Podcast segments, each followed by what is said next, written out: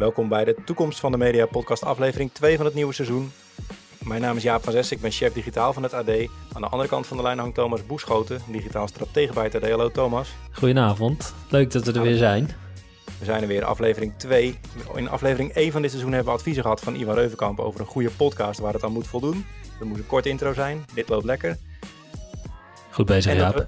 precies, en dat we meer onze eigen expertise moesten delen. Dus we gaan de eerste 10 minuten hebben over uh, coronatijden en de media. Wat hebben wij geleerd? Wat gaan we doen? En daarna gaan we ook experts bellen. Ja. We hebben onder andere Lucas van Hout aan de telefoon, hoofdredacteur van Brabants Dagblad. Onze eigen hoofdredacteur Hans Nijhuis. Erik Verguithuizen, onze stagiair Nienke, die we eigenlijk nog nooit gezien hebben, maar al zes weken bij ons zit. En we bellen met Willem Albert Bol, de woordvoerder van ons bedrijf. Ja, en we hebben zelf ook uh, ons een beetje verdiept in uh, hoe media nou eigenlijk veranderen in deze tijd. Uh, hoeveel schrijven we eigenlijk over corona? Dus wat facts en figures bij, bij de actualiteit over, over corona. Zo Thomas, daar zitten we alweer een dag na onze opname met Iwan. Ja, deed wel pijn hè? Ja, het voelde echt als op het matje geroepen worden bij de meester. Ja, maar goed, gelukkig had de meester er wel verstand van.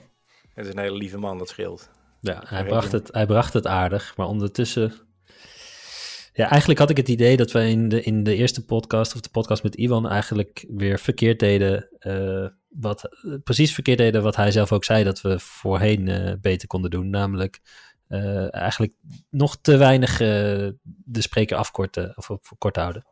Precies. Daarom hebben we gewoon geen spreker meer de eerste 10 minuten, behalve onszelf. Heel netjes. Ja. Dat vond ik wel een goede tip van hem, want we hebben elke keer gasten natuurlijk gehad. De eerste afleveringen, altijd was er iemand bijna een uur lang aan het woord. En, uh, en zelf kwamen we weinig eraan te pas en konden we weinig uh, toevoegen aan het gesprek. Wat ik zelf interessant vond om te horen, maar waardoor je zelf mij minder hoorde en jou ook. Ja, het streven is nu om uh, naar 30 minuten te gaan. En dat gaan we vandaag al niet halen, denk ik. Die belofte kunnen we vast maken. Ja, we gaan het wel proberen. Ja, daar, moeten, daar moeten we ons echt aan houden. Ja. Um, wat, wat, is jou het meest bijgebleven van die podcast van wat we moeten gaan doen met Ivan, behalve de naam?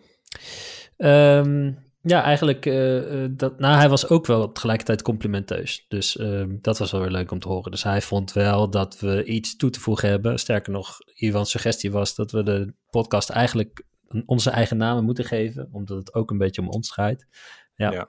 Ik weet niet of we ijdel genoeg zijn ervoor om dat door te voeren. Dus we doen het nu een klein beetje, een beetje half pakken. We hebben het nu in de beschrijving gezet, maar we zijn ook wel benieuwd naar wat mensen ervan vinden. Want eigenlijk ja, zijn de reacties ook wel belangrijk in dit, uh, in dit geheel. Ja. we, hebben, we hebben nagedacht natuurlijk over uh, ja, wat deze podcast is. Ooit is het begonnen als een podcast over sociale media. Maar we zijn eigenlijk tot de conclusie gekomen dat zowel jij, Jaap, als ik, dat we in onze carrières toch een beetje verder zijn uh, dan alleen dat. het is veel breder geworden, ons, ons werk en onze expertise. En we kwamen ook steeds tot de conclusie dat we allerlei gasten hadden die uh, heel erg leuk waren, maar niet per se over sociale media iets, per se iets te melden hadden. Dus dit biedt ons als het goed is de kansen om, uh, om, het, uh, ja, om het iets breder aan te pakken. Echt een nieuw seizoen. Het moet korter, we bellen experts, maar we laten eerst onszelf horen. Ja. En we gaan het vaker doen, hè? We gaan proberen, nou, we gaan geen frequentie noemen, hebben we afgesproken. Nee. Maar toch ga ik het zeggen, we proberen het elke week te gaan doen. dus we, je hebt nu alvast twee, twee afleveringen in één week eh, te horen gekregen. Volgende week gaan we verder. Dat was uh, wat mij betreft kopje Iwan. Wilden we het nu graag hebben over deze gekke tijden. Want het is eigenlijk dat we nu op afstand zitten en dat we horen dat podcast de kwaliteit best wel lekker is. Uh, zijn we dat gaan doen. Maar dat zijn gekke tijden. Uh, omdat wij elkaar ook al weken niet gezien hebben. Ja. En ook voor de journalistiek is het een bijzondere tijd. Um, als je bekijkt wat er aan, uh, uh, wat er aan de bezoekcijferskant uh, gebeurt, dat is echt gewoon waanzinnig. Ehm, en ja, ik denk dat we het daar zeker vandaag even over moeten hebben. Ja, jij maakt rapportages, jij analyseert wat we gedaan hebben. Ja, klopt. We, we houden tegenwoordig, nou, we houden sowieso natuurlijk heel goed bij hoeveel mensen de websites en de apps van AD en de zeven regionale titels bezoeken. En we hebben in de afgelopen weken het ene na het andere record, bezoekersaantal record zien sneuvelen. Um, maar waar, wat ik het meest door geïntegreerd was, was eigenlijk hoeveel we zijn gaan schrijven over corona. Want dat kunnen we, ja, ja kunnen we tegenwoordig kunnen we dat op een rij zetten. Ja. En we zien dus dat uh, ruim 40% op het hoogtepunt van de journalistiek, zeg maar, of van de, van de crisis, ruim 40 tot 50% van de verhalen die we maken, heeft een relatie met corona, op zijn minst. Het zijn dus alleen nog maar de verhalen waarvan we weten dat ze over corona gaan. Omdat het woord genoemd werd, hè? Ja, ja, omdat het woord of een alternatief of, of, of, of lockdown of zo'n soort woord erin werd gebruikt. Maar jij vindt het weinig, maar als je op de homepage keek op dat moment, dus op ad.nl, de, belangrijkste 30 verhalen, daarvan waren er waarschijnlijk 28 gingen er over corona. Ja, ja, ja, zeker. Dus ik verwacht, ik vermoed dat het meer is dan die 50%, maar dat we het niet allemaal hebben kunnen meten. Dus kun je nagaan, is er ooit een onderwerp geweest in de geschiedenis, van recente geschiedenis, misschien in de Tweede Wereldoorlog was, zag er anders uit. Van waarin, online nieuws zou je kunnen zeggen. Ja, waarin zo'n groot deel van de berichtgeving over één onderwerp gaat. Dat denk ik niet. niet tenminste niet sinds ik eh, bij het AD werk, en dat is nu vier jaar. Maar wat ook wel goed is om te zeggen, is dat die andere 50% die niet over corona ging, is voor een heel groot deel in de regio geschreven. Dus kwam niet op home, maar kwam op nou, Slash Utrecht, weet ik veel, allemaal dat soort dingen. Ja. Dus uh, ja, dat is wel een belangrijk verschil. En wat is jou nog meer opgevallen in die data? Nou, wat mij ook opviel was, ik had, waar ik een beetje bang voor was, is dat uh, de coronacrisis ook een manier was om slecht nieuws een beetje weg te moffelen. Dus stel je hebt iets wat je eigenlijk uh, niet wil dat de wereld al te breed over, uh, over, gaat, over gaat uitmeten. Ja. Um, dan is de coronacrisis natuurlijk een goed moment om het naar buiten te brengen, want iedereen heeft alleen maar over corona. Het idee van een persbericht na zeven uur op vrijdag sturen, bedoel je? Ja, precies. Precies. En we zien dat dat af en toe wel gebeurd is hoor. Dus er zijn echt wel onderwerpen geweest in de media waarvan ik denk, die hebben niet de aandacht gekregen die het zou hebben verdiend. Die het in andere tijden zou hebben gehad. Mhm. Maar in de linie, in de, in de, in de bredere linie zien we eigenlijk dat uh, het verkeer voor corona eigenlijk alleen maar bovenop het al bestaande verkeer is gekomen. Dus ja. We, zien, uh, uh, we zien eigenlijk dat we veel meer lezers hebben, dankzij de artikelen over corona, maar dat de lezers voor artikelen die niet over corona gaan, niet per se, de lezeraantal niet per se gedaald zijn. Dat vond ik wel een soort van geruststelling. Ja, alleen we zien ook wel dat dat publiek wat voor corona kwam wel langzaam aan het wegheppen is. Hè? Ja, we zijn wel over de piek heen, zeg maar. Dus uh, op dit moment, je zag echt een, uh, nou ja, laten we zeggen, anderhalf à twee keer zoveel bezoekers uh, per dag. En inmiddels zie je dat ja, nu de crisis wat minder urgent is, dat alleen nog op hele bijzondere dagen we echt uh, uit, uitzonderlijke cijfers halen. Ja. Dus uh, ja, het begint weer een beetje normaal te worden. Die ondergrens is weer wel iets omhoog gegaan natuurlijk. Dus een gemiddelde dag is beter dan een gemiddelde dag in januari of dan, in, dan vorig jaar. Ja. Dat is heel duidelijk. En wij hebben het wel ook in over bezoekcijfers. Maar jij weet ook heel goed dat dat voor ons helemaal niet het allerbelangrijkste is. Nee, nee, nee. nee, nee ja, daar zullen we het later straks ook nog over hebben met uh, verschillende mensen die we bellen. Um, we hebben dat al opgenomen, stiekem, uh, spoiler alert. Uh, en ja, eigenlijk elke hoofdredacteur of, of iemand die daarover gaat, die ziet, uh, die ziet een toegenomen interesse in abonnementen, in mensen die de krant willen ontvangen. Ja, of digitaal lezen. Ook, willen inloggen. Want kijk, het is leuk als je drie weken lang heel veel bereik hebt, maar als vervolgens niemand terugkomt, heb je er weinig aan. Daar gaan we het inderdaad zo over hebben.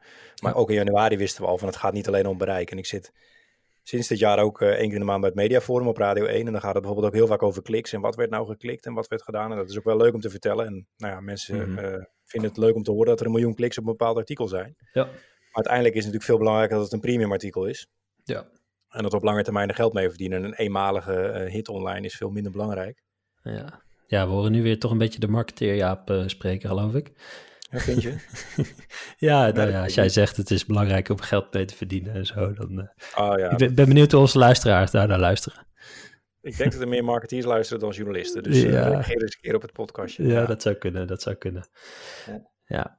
ja. En wat mij ook opviel, dat vond ik wel leuk om te zien, is... Uh, ja, we, we, kijken dan bijvoorbeeld in onze analyses wel eens naar welke verhalen doen het nou goed die uh, al wat ouder zijn. Dus die zijn bijvoorbeeld 30 dagen geleden geschreven of ouder dan 30 dagen geleden. Die doen het nu uh, weer goed. En wat me daar heel erg opviel, was twee dingen eigenlijk. Allereerst uh, de enorme interesse die uh, artikelen over 5G opeens hebben gekregen. Dus de hele coronacrisis heeft ook 5G opnieuw geagendeerd als onderwerp. Dus nou ja, er zijn wat complotten gaande over dat die twee met elkaar te maken zouden hebben. Of dat het een niet zou bestaan en door de ander veroorzaakt wordt, et cetera. Dat zijn echt artikelen van jaren oud, hè? Ja, ja. En, en het zijn vaak bij ons, dus artikelen waar het dan over gaat, zijn gewoon uitlegartikelen, hoe het nou precies zit met 5G en zo. Maar je ziet dat, uh, ja, we zien eigenlijk de interesse via Google voor dat soort artikelen en via sociale media toenemen. En ondertussen zien we op sociale media heel veel complot, uh, uh, complotten rondgaan hierover. Ja. Dus dat vond ik ook ja, wel interessant. Wat we, wat we vaker zien, want je ziet via Twitter ook bepaald verkeer komen. En ik had het misschien al een keer over dat er een rouwstoet was uh, die bekogeld was met vuurwerk. Ik weet niet meer precies wanneer, maar recent. En dat bleek dan om een artikel te gaan van drie jaar geleden, waar dan in stond Marokkanen. Marokkanen dat gedaan zouden hebben, wat sowieso... Uh, Ja, wat je bedoelt is, is er was opnieuw was er een rouwstoet bekogeld. Alleen op sociale media werd dat becommentarieerd met een link van een soortgelijk incident van drie jaar geleden. En drie jaar geleden ging het om Marokkanen en nu uh, niet per se.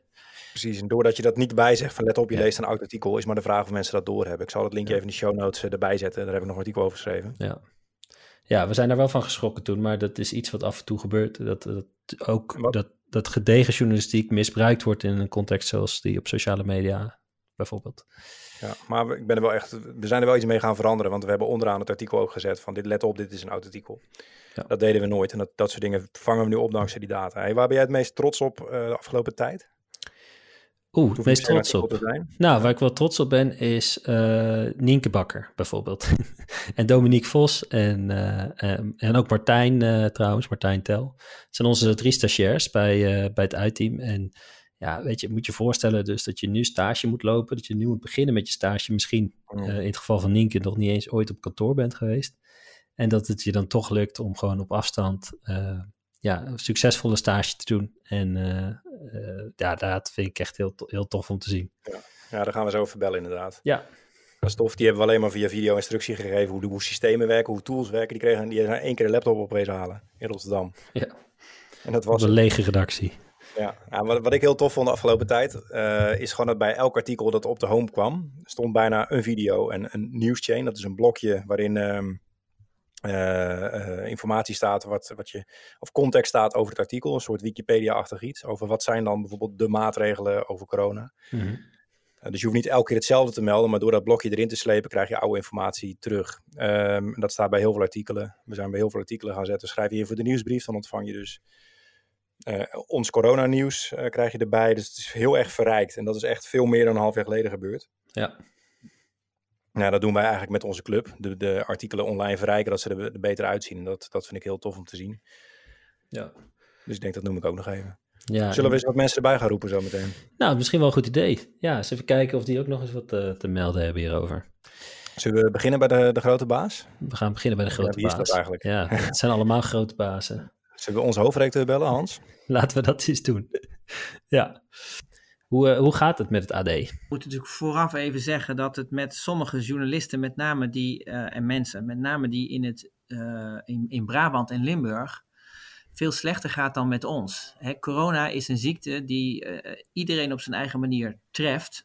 En voor heel veel mensen gaat het over thuiswerken en weet je, gedoe met de kinderen die niet naar school kunnen. Dat is voor die mensen heel erg. Maar in Brabant en Limburg gaat het over een leven en dood. En dat is veel erger. Ik woon in Zuid-Holland in Den Haag en ik ken in mijn eigen omgeving niemand die corona heeft. Dus ik heb een luxe probleem. Veel mensen op mijn redactie hebben dat ook. Dus wij schrijven over het virus, maar wij schrijven met name ook over de gevolgen van de maatregelen die worden genomen om het virus in te dammen. En wij zien dat daar een waanzinnig grote belangstelling voor is. Hè. Ons publiek is de afgelopen tijd vergroot. Het aantal abonnees gaat enorm omhoog. En als ik dan met het oog van een journalist kijk, dan concludeer ik eigenlijk het volgende. Dit zijn, dit zijn slechte tijden voor het land, maar het zijn goede tijden voor de journalistiek. En dat is misschien um, omdat je, je zou kunnen zeggen, we zien de terugkeer van de deskundigen, of het teruggekeerd respect voor de deskundigen. En daarmee ook de terugkeer van de journalistiek. Het is nog niet zo lang geleden dat boeren zeiden, het RIVM, ach, die doen ook maar wat, of dat is ook maar een mening dat op social media over merken als wij of NRC of Volkskrant een beetje schamper werd gedaan als dode bomen.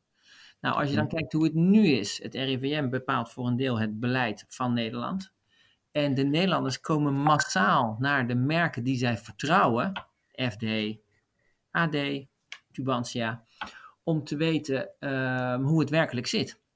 Uh, dat vind ik een compliment voor de journalistiek en het toont aan hoe relevant uh, de journalistiek is nu. Is dat, is dat ook, uh, betekent dat ook dat je nu extra blij bent met de regionale journalistiek die, die de zeven regiotitels en de AD-regio's maken?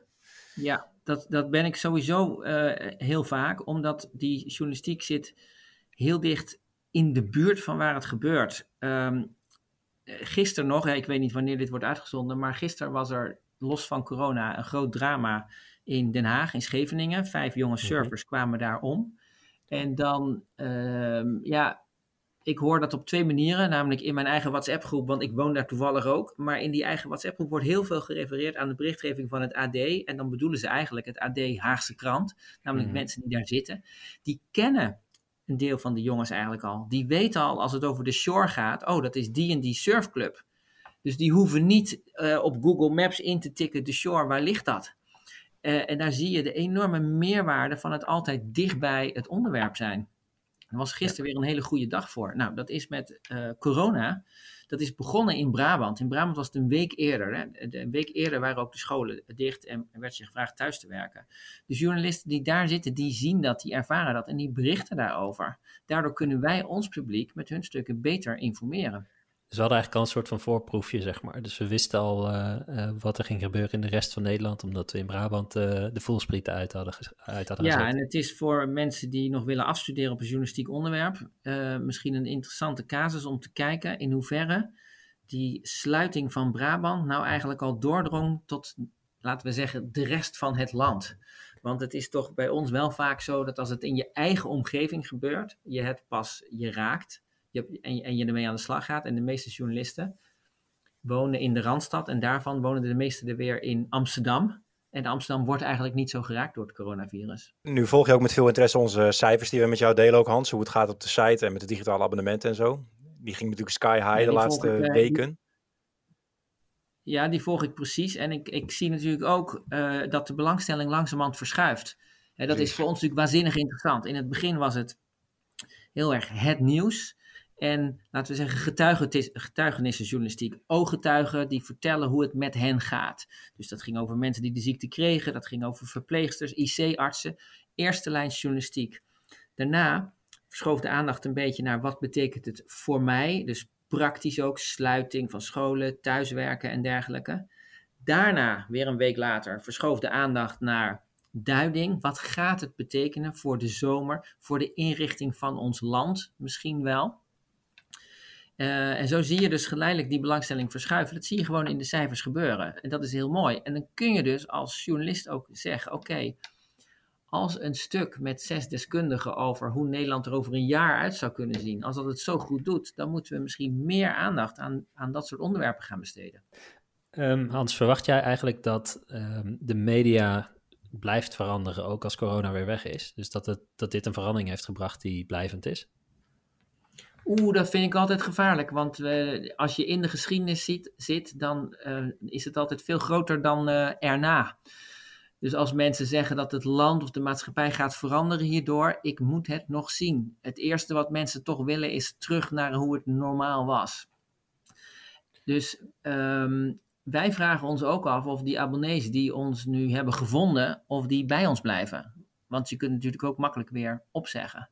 Wij moeten zorgen met goede journalistiek dat zij dat doen, maar of dat zo is, is niet zeker. Um, ik denk wel dat het vertrouwen in deskundigen en in merken, dat dat uh, een boost heeft gekregen die nog wel even uh, blijft. Als ik het heb over merken, wat bedoel ik dan? Ik bedoel eigenlijk redacties. Wat is het verschil tussen een, laten we zeggen, social media platform en een platform als AD?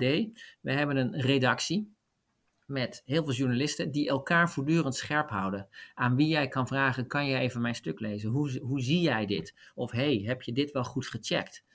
Dat checken is een ander ding wat wij doen. Onderzoeken, hoe zit het? Hoe werkt het? Klopt het wel wat die bron zegt? En waar ik blij mee ben, trots op ben, is de combinatie van die menselijke verhalen die wij hebben, plus de verhalen met deskundigen waarin wij duiden hoe de zaken echt zitten. En die combinatie is uniek. Als jij sommige andere ochtendkranten leest, dan krijg je hele goede bijvoorbeeld wetenschappelijke verklaringen over wat er nu gebeurt. Maar gewone mensen die de ziekte hebben, vind je er eigenlijk minder in. Um, die combinatie die wij hebben daar tussen, tussen gevoel en deskundigheid, daar ben ik trots op. En die moeten we, als we die kunnen blijven behouden, zou dat heel mooi zijn. Ja, en tegelijkertijd zie je dat als de Volkskrant dan één keer een verhaal publiceert over een huisarts in Houten die uh, met zijn gezin in quarantaine is. Um, dus eigenlijk precies zo'n verhaal, eigenlijk bijna een AD-verhaal dat bij de Volkskrant staat, dat hij het ook heel erg goed uh, daar doet. Ja, omdat die lezers natuurlijk. Ik, Rob Wijnberg, die zei van de, van de correspondent, maar hij is opgegroeid bij NRC Next, waar ik ook werkte. En daar hadden we al zo'n zin. En Rob heeft dat tot een soort thema verheven. Van, die zei over de media: jullie schrijven over het weer, wij schrijven over het klimaat. Dus over de lange termijn. Dat is een hele goede uitspraak. Maar als ik ochtends de deur uit weer ga, dan wil ik toch wel even weten wat voor weer het is. Want als ik alleen maar lees over het klimaat en vervolgens kom ik in een sneeuwbui, terecht of in een storm, dan heb ik aan dat stuk over het klimaat niks. Dus je moet over allebei uh, schrijven. Dus als je als Volkskrant alleen maar de duiding doet, dan uh, als lezer mis je dan iets. Dus, dat, dus kijk, zij lezen ons ook, dus wij lezen hen ook. En je pikt ideeën van elkaar. En ik denk dat als wij dingen doen, dat je dat soms een paar dagen later daar terug ziet. Overigens is dat met duidende verhalen, kan dat natuurlijk ook andersom zo zijn. Oké, wat we zien is het effect van thuiswerken op hoe we de verschijningsvormen.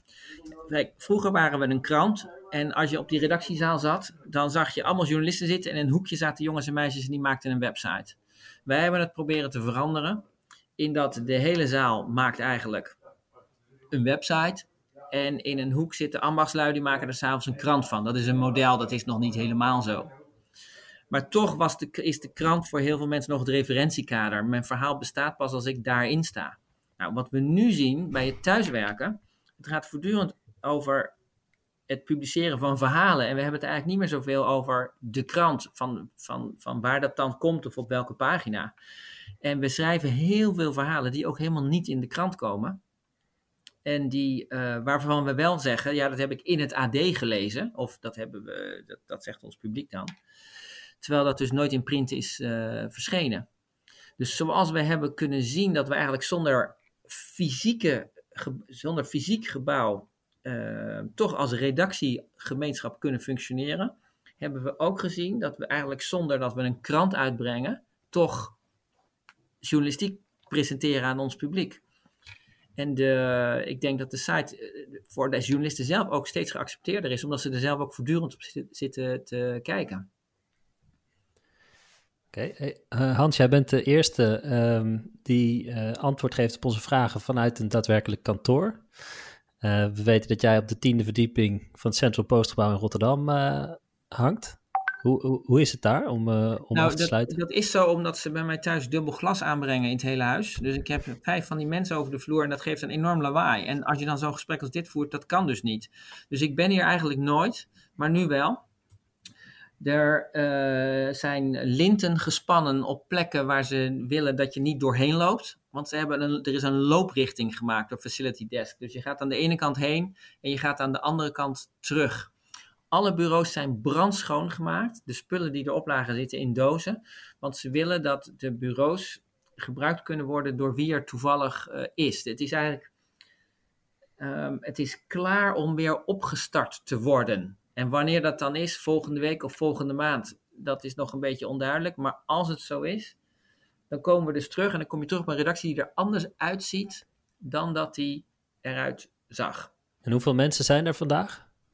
Ik denk uh, vier ongeveer. Dus Jeroen de Vrede, dat is de chef uit van print. Um, dan zitten bij video zitten twee mensen en dan zit iemand achter de balie. Wauw. En ikzelf, vijf. Thomas, dat was leuk om Hans weer even te spreken. Ja, ja je weet dan ook meteen dat het, uh, je weet dan altijd zeker dat het over de tijd heen gaat natuurlijk. Ja, dus we hebben misschien wat geëdit als je dit hoort. Sorry Hans. Het was wel interessant. ja, altijd, altijd. Het lijkt me goed om even met Brabant te bellen. Want uh, ja, Hans verwijst toch wel heel erg duidelijk naar, naar Brabant. En daar zit het Brabants Dagblad onder andere. Ja, zullen we eens kijken of we Lucas te pakken kunnen krijgen. Lucas van Houten, dat is de hoofdredacteur daar. We gaan hem even bellen, kijken hoe het bij hem gaat. Ja, wij zijn eigenlijk wel benieuwd hoe het bij jullie gaat in, in deze tijden. Het gaat, het gaat. het gaat, zou je kunnen zeggen. Tot onze verbazing lopen al je bedrijfsprocessen gewoon door. Het garen van nieuws. We gaan nog mondjesmaat naar buiten. Mm -hmm. uh, wij werken vrijwel 100% vanuit huis, wat heel wonderlijk is voor media. Ja, maar want, zijn, maken... want, want, jullie zijn eigenlijk ook uh, een cruciaal beroep, en dus het zou niet per se moeten. Nee, maar wij hebben natuurlijk ook onze zorgen over onze eigen gezondheid. Maar je mm -hmm. wil bovendien niet een halve redactie besmetten, want dan uh, sta je met lege handen. Ja. En hoe hey. is het op jouw redactie? Um, Met de mensen op je redactie kan ik beter vragen. Goed. wij hebben toevallig vandaag een enquête uitgestuurd om uh, te kijken of het inderdaad zo goed is als het lijkt. Maar iedereen heeft zijn draaien wel gevonden. Hier en daar ook wel wat uh, moeilijkheden. Er zijn wat zorgen, er is wat verdriet. Want er zijn veel mensen doodgegaan in Brabant en ook wel in de kring van uh, collega's. Um, er zijn mensen zelf ziek geweest. Het is pittig om uh, in een huis te werken met kleine kinderen. Dus het zijn best wel heftige tijden voor mensen zelf. Um, als het gaat om de journalistiek en het nieuws, hebben wij nog nooit, en wij bestaan toch al 250 jaar bijna, hebben wij nog nooit zo lang één onderwerp zo intensief gevolgd. Ja. En, en waar merk je dat dan uh, aan, zeg maar? Ik bedoel, jullie schrijven uh, hoofdzakelijk over dit onderwerp natuurlijk. Maar betekent dit ook dat je een ander soort journalistiek gaat maken? Of dat er een ander soort gevoel van urgentie is? Of hoe moet ik dat uh, zien?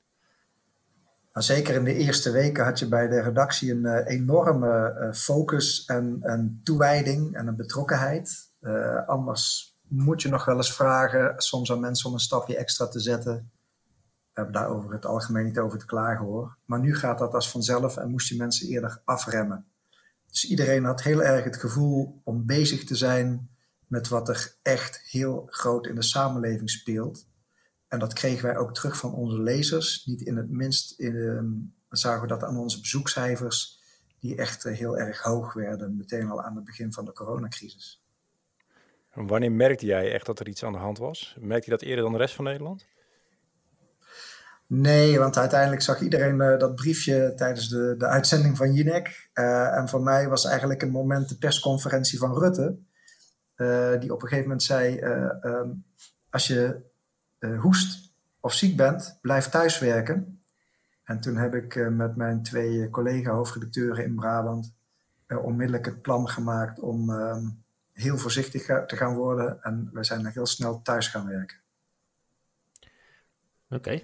En um, als, je, als je dit zo observeert en met, met, met de media, denk je dat dit ook een blijvende verandering kan brengen? Dus dat wij anders gaan werken of dat we op een andere manier naar naar journalistiek of nieuws gaan kijken, nu, nu we dit hebben meegemaakt?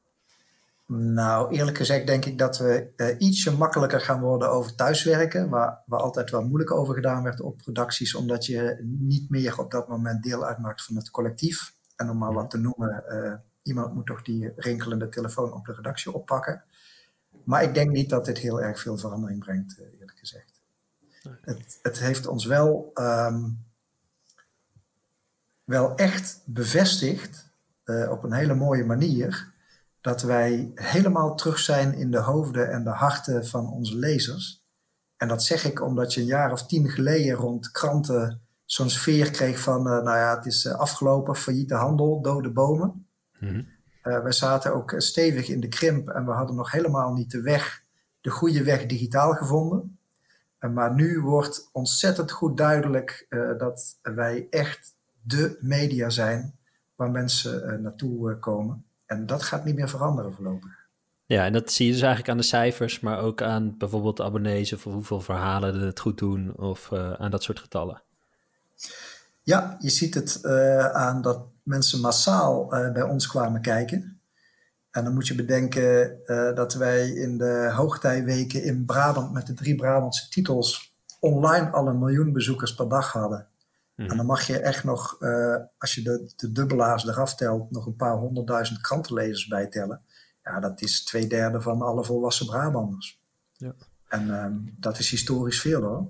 Laat dit ook de relevantie juist nu van regionale media opnieuw zien? Omdat jullie zo dicht op het vuur zetten? Absoluut, want dat vuur was soms heel lokaal. Um, corona is natuurlijk uh, uh, mondiaal. Mm-hmm. Maar al die die dode mensen, om maar wat te noemen, die zijn lokaal. En vergis je niet, je had hier dorpen waar de sterfte zes keer zo hoog was als normaal. Um, en wij hebben heel, en heel veel van die mensen die doodgingen, waren mensen die iedereen kent. Dus we hebben necrologieën aan de lopende band geschreven. Uh, als je denkt, wat, wat neem je hieruit mee, even los van de berichtgeving, maar de manier van werken of de manier van... Uh, ja, heb je echt dusdanig veel abonnementen meer verkocht, denk je, waardoor je online uh, er weer even tegen kan of zo? Of? Um, wij hebben wel online ons publiek zo weer uitgebreid dat je daar altijd wel wat van overhoudt. Um, ik zit 25 jaar in de dagbladjournalistiek. Ik heb 25 jaar krimpende oplagers achter mijn naam. En afgelopen voorjaar, voor het eerst, zijn we in een groeiscenario terechtgekomen. Um, en uh, er zijn tijden geweest dat ik niet meer had durven denken dat ik dat nog mee zou maken. En denk je dat die groei door gaat zetten? Die gaat doorzetten, jawel. Omdat um, gebleken is dat um, mensen naar de traditionele, de gevestigde media, zo moet je zeggen, niet traditioneel, maar de grote nieuwsmerken gaan als ze iets willen weten wat er, over wat er aan de hand is. Dit was uh, een heel ander verhaal dan uh, we net van Hans uh, hebben gehoord, of in ieder geval toch wel anders van toon, merkte ik. Hè? Je merkt toch wel het verschil tussen dat Lucas er middenin zit en, en Hans ondertussen heel erg waardeert wat voor werk er middenin in de crisis wordt gedaan. Ja. Um, iemand die ook een bijzondere passie heeft, weet ik, voor wat er allemaal bij de regiotitels gebeurt, is natuurlijk Erik van Guithuizen. En Erik van Guithuizen die kan wat meer vanuit het, uh, het zakelijke kant uh, van dit bedrijf becommentariëren hoe de crisis invloed heeft op onze media. Ja, we gaan hem even bellen. Ja. Welkom, we hebben net gesproken over uh, ja, het digitale bereik van het AD en de digitale abonnementen die, we, ja, die uh, meer verkocht zijn. Uh, dat is natuurlijk twee maanden geleden dat Rutte de toespraak gaf, dat, het, dat iedereen binnen moest blijven. Wij hebben elkaar ook al twee maanden niet gezien. Wij zijn eigenlijk benieuwd wat blijft er uiteindelijk hangen, want die piek is leuk. Maar hoe kijk jij naar de afgelopen maanden en naar de toekomst? Uh, ja, dit is inderdaad onze grote opdracht.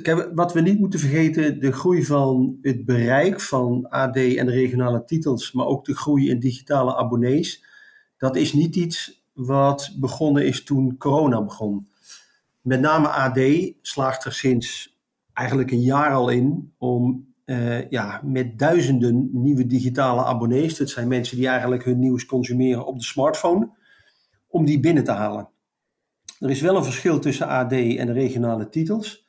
Maar het is niet ongewoon. In de Randstad gaat de digitale ontwikkeling gewoon wat sneller dan in de regio. En in de regio hebben we natuurlijk ook een heel groot, wat wij noemen, betonnen bestand van echte krantenlezers.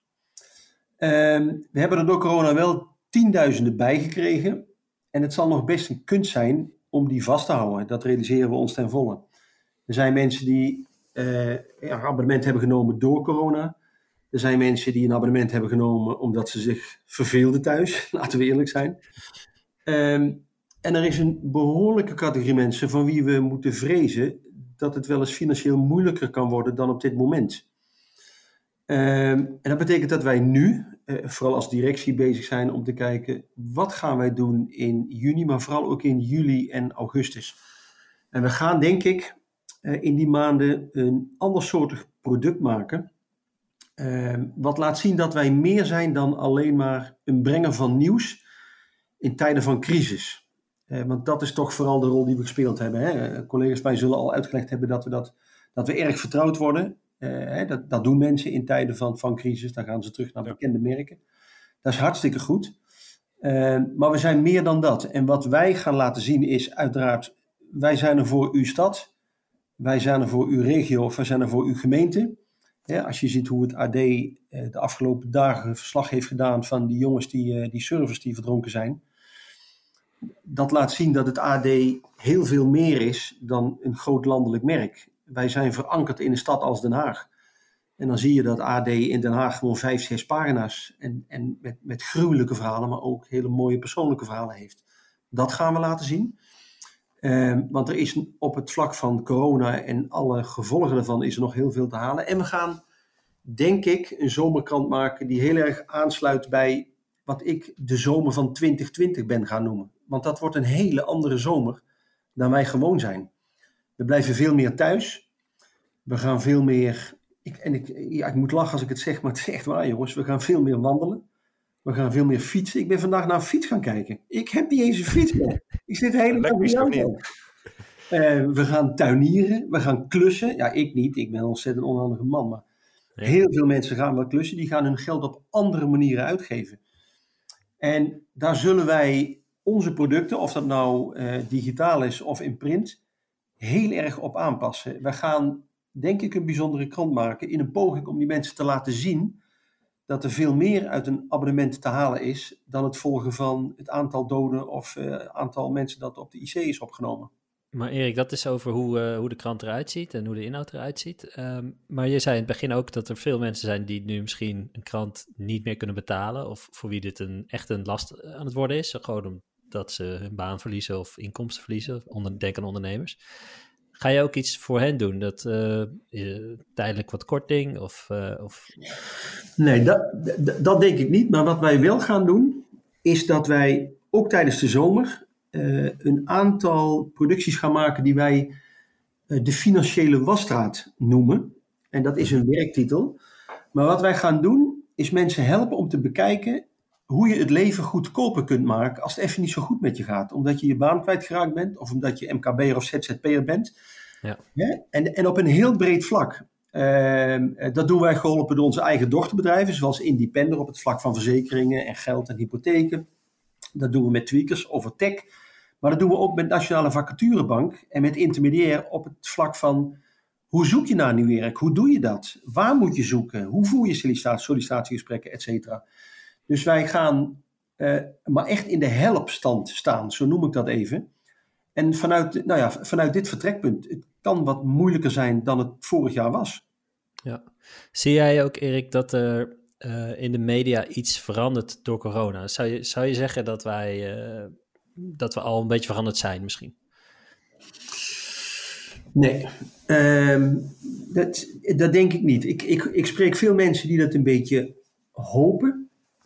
Um, kijk, wat, je, wat ik meen te zien is dat um, in deze tijd het, het, het persoonlijke verhaal, het diep menselijke verhaal natuurlijk in de journalistiek hoogtij viert. We hebben, uh, misschien heeft, uh, heb je dat in Brabant al gehoord, maar als je ziet wat we daar aan portretten hebben gemaakt over overledenen, eh, over, over begrafenissen die lijken op begrafenissen van zwervers. Hè, hoe hele dorpen drie keer per week op trottoir staan. Ik krijg kippen van als ik het zeg werkelijk, om mhm. weer een overledene uit dat dorp ten graven te dragen, maar terug vijf meter. Dat is, uh, dat is heel aangrijpend, maar ik denk toch dat we in de mediasector al vrij snel zullen vervallen in oude fouten en ook de oude goede dingen. Dat we, uh, wij moeten volgens mij als media vooral de rol blijven spelen die we traditioneel spelen. En wij hebben, kijk, in een tijd als corona hebben wij ook, uh, ik zeg maar even, geprobeerd om de goede stemming erin te houden. Door bijvoorbeeld hè, een live programma te maken als uh, Nederland blijft thuis, waarin we de optimistische kant hebben gedaan. Wij zullen uh, in de zomer ook een bijlage gemaakt die zich specifiek richt op ondernemend Nederland en kopend Nederland. Die noemen we NL Start-up. Dat is niet het beste Nederlands, maar dat is ook een werktitel. Daarin gaan we kijken, wat gebeurt er in steden om weer, om weer, uh, uh, ja, om weer enig leven in een binnenstad te krijgen, om te voorkomen dat winkels moeten sluiten. Dat doen we allemaal wel. Maar als je me vraagt, gaat er in de mediasector heel veel veranderen? Dan zeg ik je eerlijk dat ik dat nog niet geloof. Daarvoor zijn wij het... gewoontedieren. Het is een tijdelijk iets, een, een, een, tijdelijke situatie en we gaan weer terug naar het normaal. Ja, dat, dat, kijk, ik, ik heb van de week tegen iemand verteld, ik, ik moet een beetje denken aan 9-11. Dit is daar niet mee te vergelijken, maar, maar het, toen zeiden ook heel veel mensen, de wereld is voorgoed veranderd. Ik weet niet jongens hoe lang jullie hebben gedacht dat de wereld voorgoed zou veranderen, maar het heeft een paar maanden geduurd en vervolgens vloog iedereen weer. En het, ja, ik, ik ben daar misschien Ehm, ik, ik, denk dat ik er realistisch over ben. Misschien zijn, vinden sommige mensen mij te somber, maar ik, ik, denk dat het realistisch is om aan te nemen dat het vrij snel weer een soort nieuwe normaal is tijdelijk. Dat denk ik. En is de, de zomerplannen komen waarschijnlijk op de plek van de sportzomer? Dat was natuurlijk ja, een zeker. sportjaar geweest. Ja, man. En eigenlijk, dat, dat kan ook wel gebeuren, Jaap. Dat dat, dat, dat er niet van komt. Ja, en vanaf september verwacht je, stel dat het seizoen weer begint, dat het in principe weer gaat lijken hoe het vorig jaar september was. Ja, dat, dat, ik, ik hoop dat vurig. Uh, ik hoop dat om, om, om reden van, uh, van uh, het leven, dat we toch een beetje konden vieren in dit land. Ik hoop dat voor heel veel mensen die, die het moeilijk hebben, persoonlijk of met hun bedrijf. Ik hoop het ook voor ons bedrijf. we hebben best een, een deuk gehad, met name op advertentiegebied. Ik denk dat het kan. Ik denk dat de sport nog niet in september. Ik denk nog niet, Jaap, dat wij naar het stadion kunnen. Dus ik kan jou jij kunt mij niet met PSV en ik niet met jou met de Ajax spelen. Maar ik hoop wel vurig dat het begint. Dat hoop ik echt. voor wie van jullie twee is het het beste dat het voetbal misschien niet meer doorgaat? Nou, zonder twijfel voor mij als PSV-supporter. Uh, kijk, ik vind het wel jammer, want, want Ajax was nooit kampioen geworden. Jaap weet dat, dat zal hij niet. Maar Ajax was nooit kampioen geworden, het was AZ geworden. Maar PSV speelde zo bitter slecht dat ik er niet eens meer over durfde te praten. Dus ik was blij dat het afgelopen was. Ja, laten we dat er vier bij houden. want um, we hadden Willem Albert, die zei al, ja, vragen aan Erik hoeveel rekker bijvoorbeeld in zitten in het nieuwsmerk. Dus we hebben kunnen het nieuws inderdaad brengen wat je schetst, maar we gaan ook andere dingen erbij doen. We hebben de, de funwereld uh, ja, gelanceerd op de app afgelopen weken. Ja. Um, wat voor dingen zitten er aan te komen? Of hoe zie, je, hoe, hoe zie je dat? Zit daar nog een nieuw publiek in dat nu misschien niet nieuws leest, maar wel interesse heeft? Ja, dat denk ik wel. Wat onze ambitie is, en dat is best een moeilijk te, uh, op korte termijn best moeilijk te realiseren ambitie, is dat mensen voor meer bij ons komen dan nieuws. Nieuws blijft ons kernproduct. Nieuws is onze, de, daar vertrekken mensen bij. En dat zal zo blijven. En dat willen we ook graag. Wij zijn een journalistieke onderneming, DPG Media. Maar wij willen dat mensen in de loop van de dag, in de vooravond, in de avond, andere dingen gaan ontdekken dan nieuws of alle afgeleiden van nieuws. Dat is onder meer puzzels, gaming. Maar vooral ook op videogebied hebben wij ambities die, eh, die verrijken. Die we, eh, eh, als ik al zei, niet te snel zullen kunnen realiseren. Maar wij willen eh, ja, bepaalde exclusieve series op AD en de regionale titels zien te krijgen. Waarvoor je ingelogd of abonnee moet zijn. Uh, daar zoeken wij samenwerkingen mee met bepaalde partijen. Soms is ons dat al gelukt. Hè? Wij hebben Engels, Spaans, het grote internationale voetbal. We hebben Goal Alert, dus je kunt op je mobiele telefoon kun je binnen een paar minuten de goal zien van je favoriete club. We hebben de samenvatting uit de Eredivisie. Nou, in het verlengde daarvan moet je denken aan, nou, ik, ik noem één voorbeeld, comedy. We hebben bij het Eindhovens Dagblad een proef gedaan met een nieuwjaarsconferentie van een lokaal bekende eh, conferencier, Schepers. En daar moesten mensen voor inloggen. Dat hebben enige duizenden mensen gedaan. Dat is een, een lokale held met lokale thema's, met een goed Brabants accent. Uh, dat zullen wij in meerdere regio's gaan proberen. In Twente, in Zeeland, in Rotterdam of Utrecht. Dat zullen we op allerlei mogelijke manieren gaan doen. En daarmee zoeken wij ook samenwerkingen met uh, lineaire televisiepartijen. Daarbij is alles denkbaar, maar daar zijn we volop mee bezig. En hoe belangrijk is dan inloggen of een premium abonnement? Of laten we het bij inloggen uh, houden? Voor ons is het belangrijk. En, en dan hoeven we eigenlijk heel weinig van die mensen te krijgen. Met een e-mailadres ben ik al heel tevreden. Zodat we weten uh, met wie we te maken hebben. En dat we die mensen af en toe eens ook iets kunnen sturen. Een, een, een, een aanbieding voor een abonnement. Of een aanbieding voor een product dat we uit onze webwinkel verkopen. Uh, dat een, een bezoeker wordt zogezegd meer waard. Het is een beetje, een beetje salestaal een bezoeker wordt meer waard als wij uh, het e-mailadres van hem of haar hebben. En hoe kijk jij daarnaar als we zeggen, nou, we hebben de afgelopen eh, recordcijfers gehaald, afgelopen weken. Is dat voor jou belangrijk of is dat na, na een paar weken gaat het weer liggen? En nee, ik denk, dat, ik denk wel, Jaap, dat we echt een structureel hoger niveau hebben bereikt. we hebben elke dag tussen de 5 en 6 miljoen uh, uniek bereik gehad. Dat is echt ongelooflijk. Kijk, wij praten er soms over eh, alsof dat normaal is, weet je wel. Het is vier jaar geleden dat het AD, dat had trouwens ook iets te maken met de komst van Jaap van Zessen volgens mij. uh, ja, Een jaar of vier geleden dat wij, ja, weet je wel, op goede dagen anderhalf miljoen bezoekers halen op AD. Maar doorgaans een miljoen. Ja jongens, het is 3,5, het is 4 miljoen. Dat geldt voor de regeltitels net zo. Ja. Ik denk dat wij nu een niveau hebben bereikt wat structureel hoger zal liggen. En dat is heel belangrijk vooral voor onze advertentieomzet. Kijk, op dit moment verdienen wij ons geld online vooral met advertenties. Eh, en daarvoor hebben we bereik nodig. Dus daar zijn wij heel blij mee. Ja. Nou, dat lijkt me een mooie afsluiter. Uh, Erik, heb jij uh, misschien nog een vraag die je zou willen stellen aan Nienke, aan onze stagiair die de volledige periode van haar stage in lockdown heeft doorgebracht en we zo meteen gaan spreken? Wacht even, die, die heeft haar stage in volle, dus volledig thuis doorgebracht? Ja, tot nu toe. Daar is toch bezig natuurlijk, maar die gaan we zo meteen spreken. Dan is dus de vraag bij het uh, Goede Nienke, kom je vanaf september drie maanden werken op een volle AD-redactie? Um, nou, dan gaan we hem even bellen hè, met onze stagiair die we nog nooit gezien hebben. Zullen we er even bij halen? Laten we dat doen. Ik ben benieuwd hoe het met Nienke gaat. En Nienke, jij bent begonnen met jouw stage bij het AD toen de lockdown al van kracht was. Ja, ja dat klopt. Dus ik uh, heb geen één keer echt op de redactie gewerkt eigenlijk. Terwijl ik nu al wel uh, ja, zo'n vijf weken aan de slag ben. En uh, hoe is dat? Want jij ziet dus eigenlijk voor het eerst een journalistiek bedrijf. Nou ja, ik wou zeggen van binnenuit, maar toch ook niet helemaal. hoe is het voor jou om stage te lopen onder deze rare omstandigheden? Ja, het was voor mij in het begin natuurlijk ehm, ook wel wennen. Je weet niet zo goed wat je kunt verwachten als je mensen niet in het echt ziet. En je denkt ook van tevoren van zou het contact wel goed gaan of zou ik wel weten bij wie ik terecht kan met mijn vragen. Um, nou ben ik wel heel blij met de manier waarop je online kunt communiceren met iedereen en dat dat best wel goed gaat. Uh, maar het blijft gewoon raar dat je natuurlijk het echte proces of de manier waarop het normaal gaat, uh, ja, die krijg je natuurlijk niet helemaal mee als je niet op de redactie bent de journalistiek, hè, nu die, ja, ik wou eigenlijk zeggen van binnenuit meemaakt, maar dat is natuurlijk niet helemaal van binnenuit, want ja, je zit thuis. Um, maar is de journalistiek anders dan je had verwacht? Um, nou ja, het is natuurlijk sowieso dat het nu gewoon heel veel over corona gaat, zeker in het begin.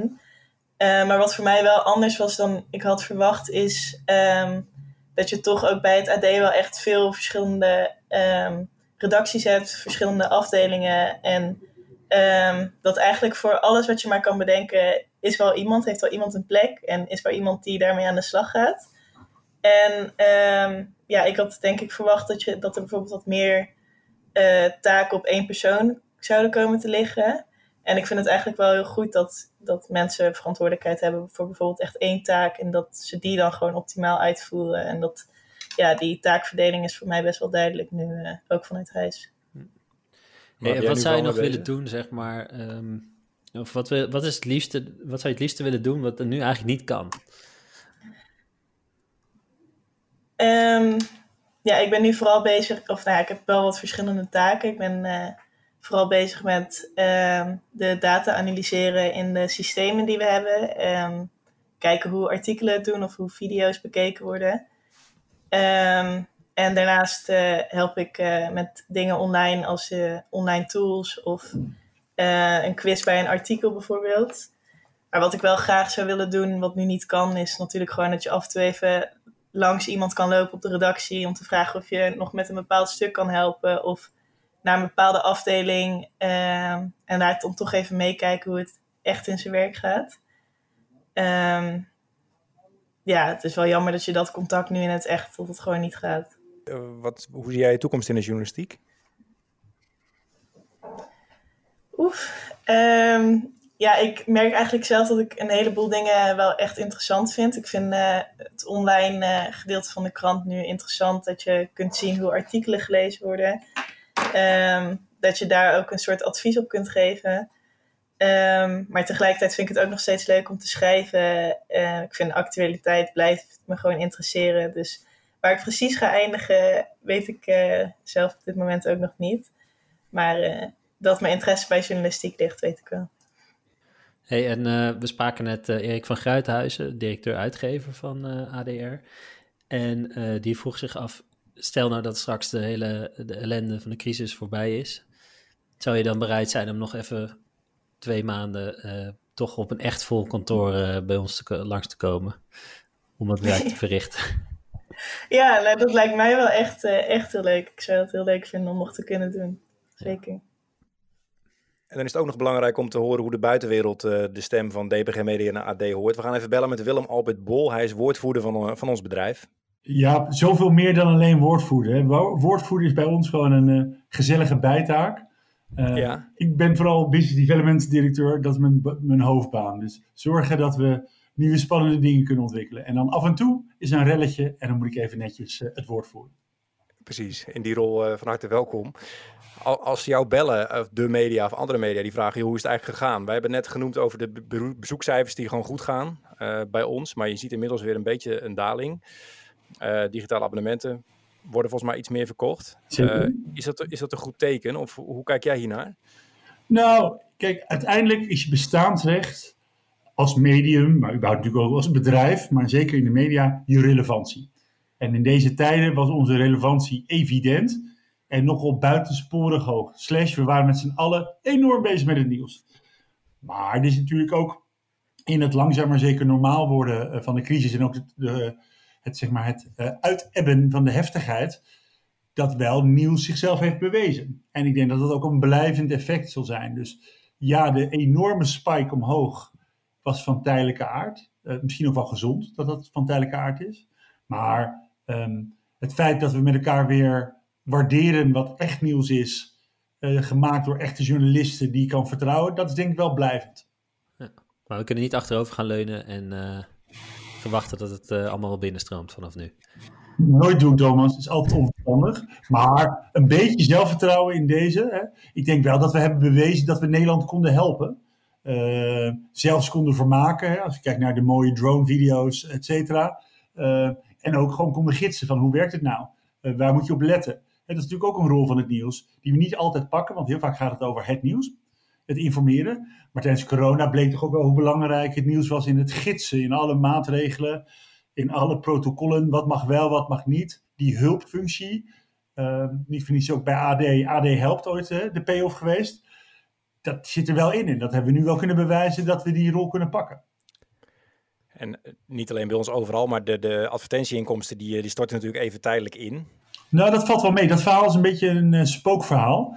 Bij bepaalde media is dat waar. Televisie, outdoor, uh, daarvan, ik weet niet de details, maar men zegt, heeft het over index 20, dus 80% minder. Wij hebben op zijn zwaarst heel even een week gehad van min 30%. Maar het neigt dat wij nu naar rond de min 15% uh, gaan. Ja, dat is vervelend.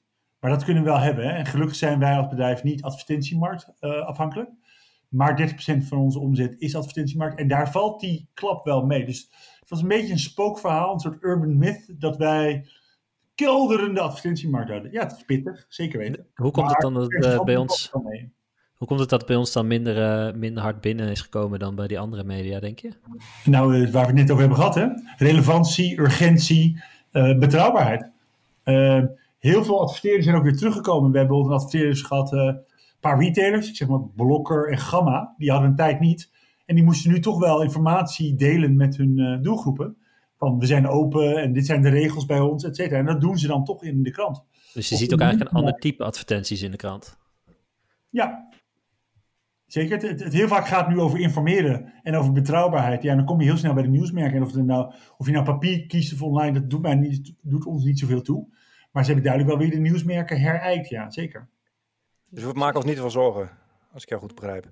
Nooit doen. Dat is lekker. Nooit doen. Niet nodig. Nee, kijk, het, het, grote voordeel is, en dat merk je ook in dit soort achtige momenten, het feit dat wij een stabiel, gezond, winstgevend familiebedrijf zijn, maakt enorm veel uit ook hoe we hiermee om kunnen gaan. Weet je, wij, wij hebben geen korttermijn stress.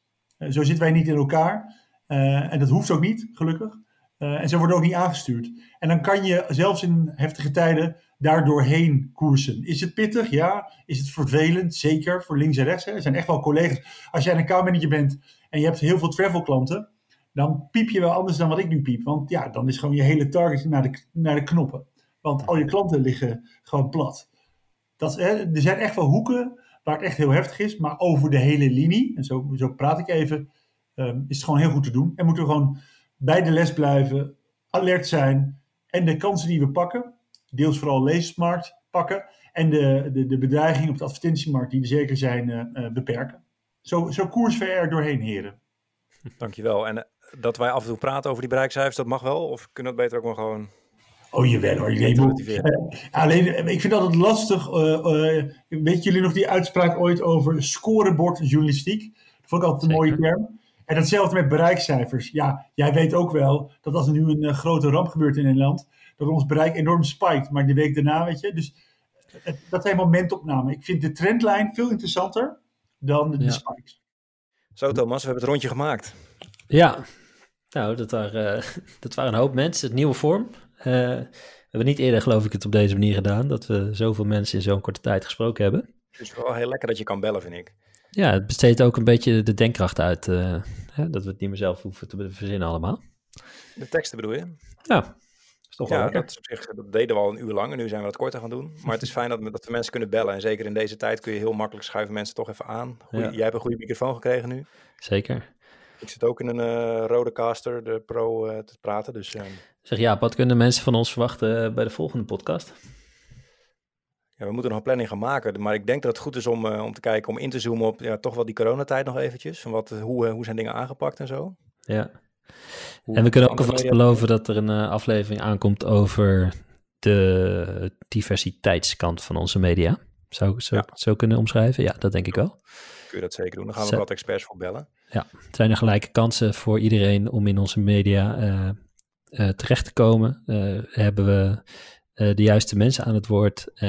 wordt er op de goede toon over, over, iedere, over iedereen gesproken in Nederland? Dat zijn eigenlijk een beetje de vragen. Ja. En verder staan we echt open voor feedback, want we beginnen een nieuw seizoen. We willen het echt vaker gaan doen. Dat betekent dat we meer gasten aan het woord kunnen laten. Dus laat je recensie achter op, op iTunes. En, uh, en volg ons via Spotify, dat soort dingen. En dan zijn we heel snel weer terug. Ja, met de volgende aflevering. Yes, tot dan. Dank voor het luisteren.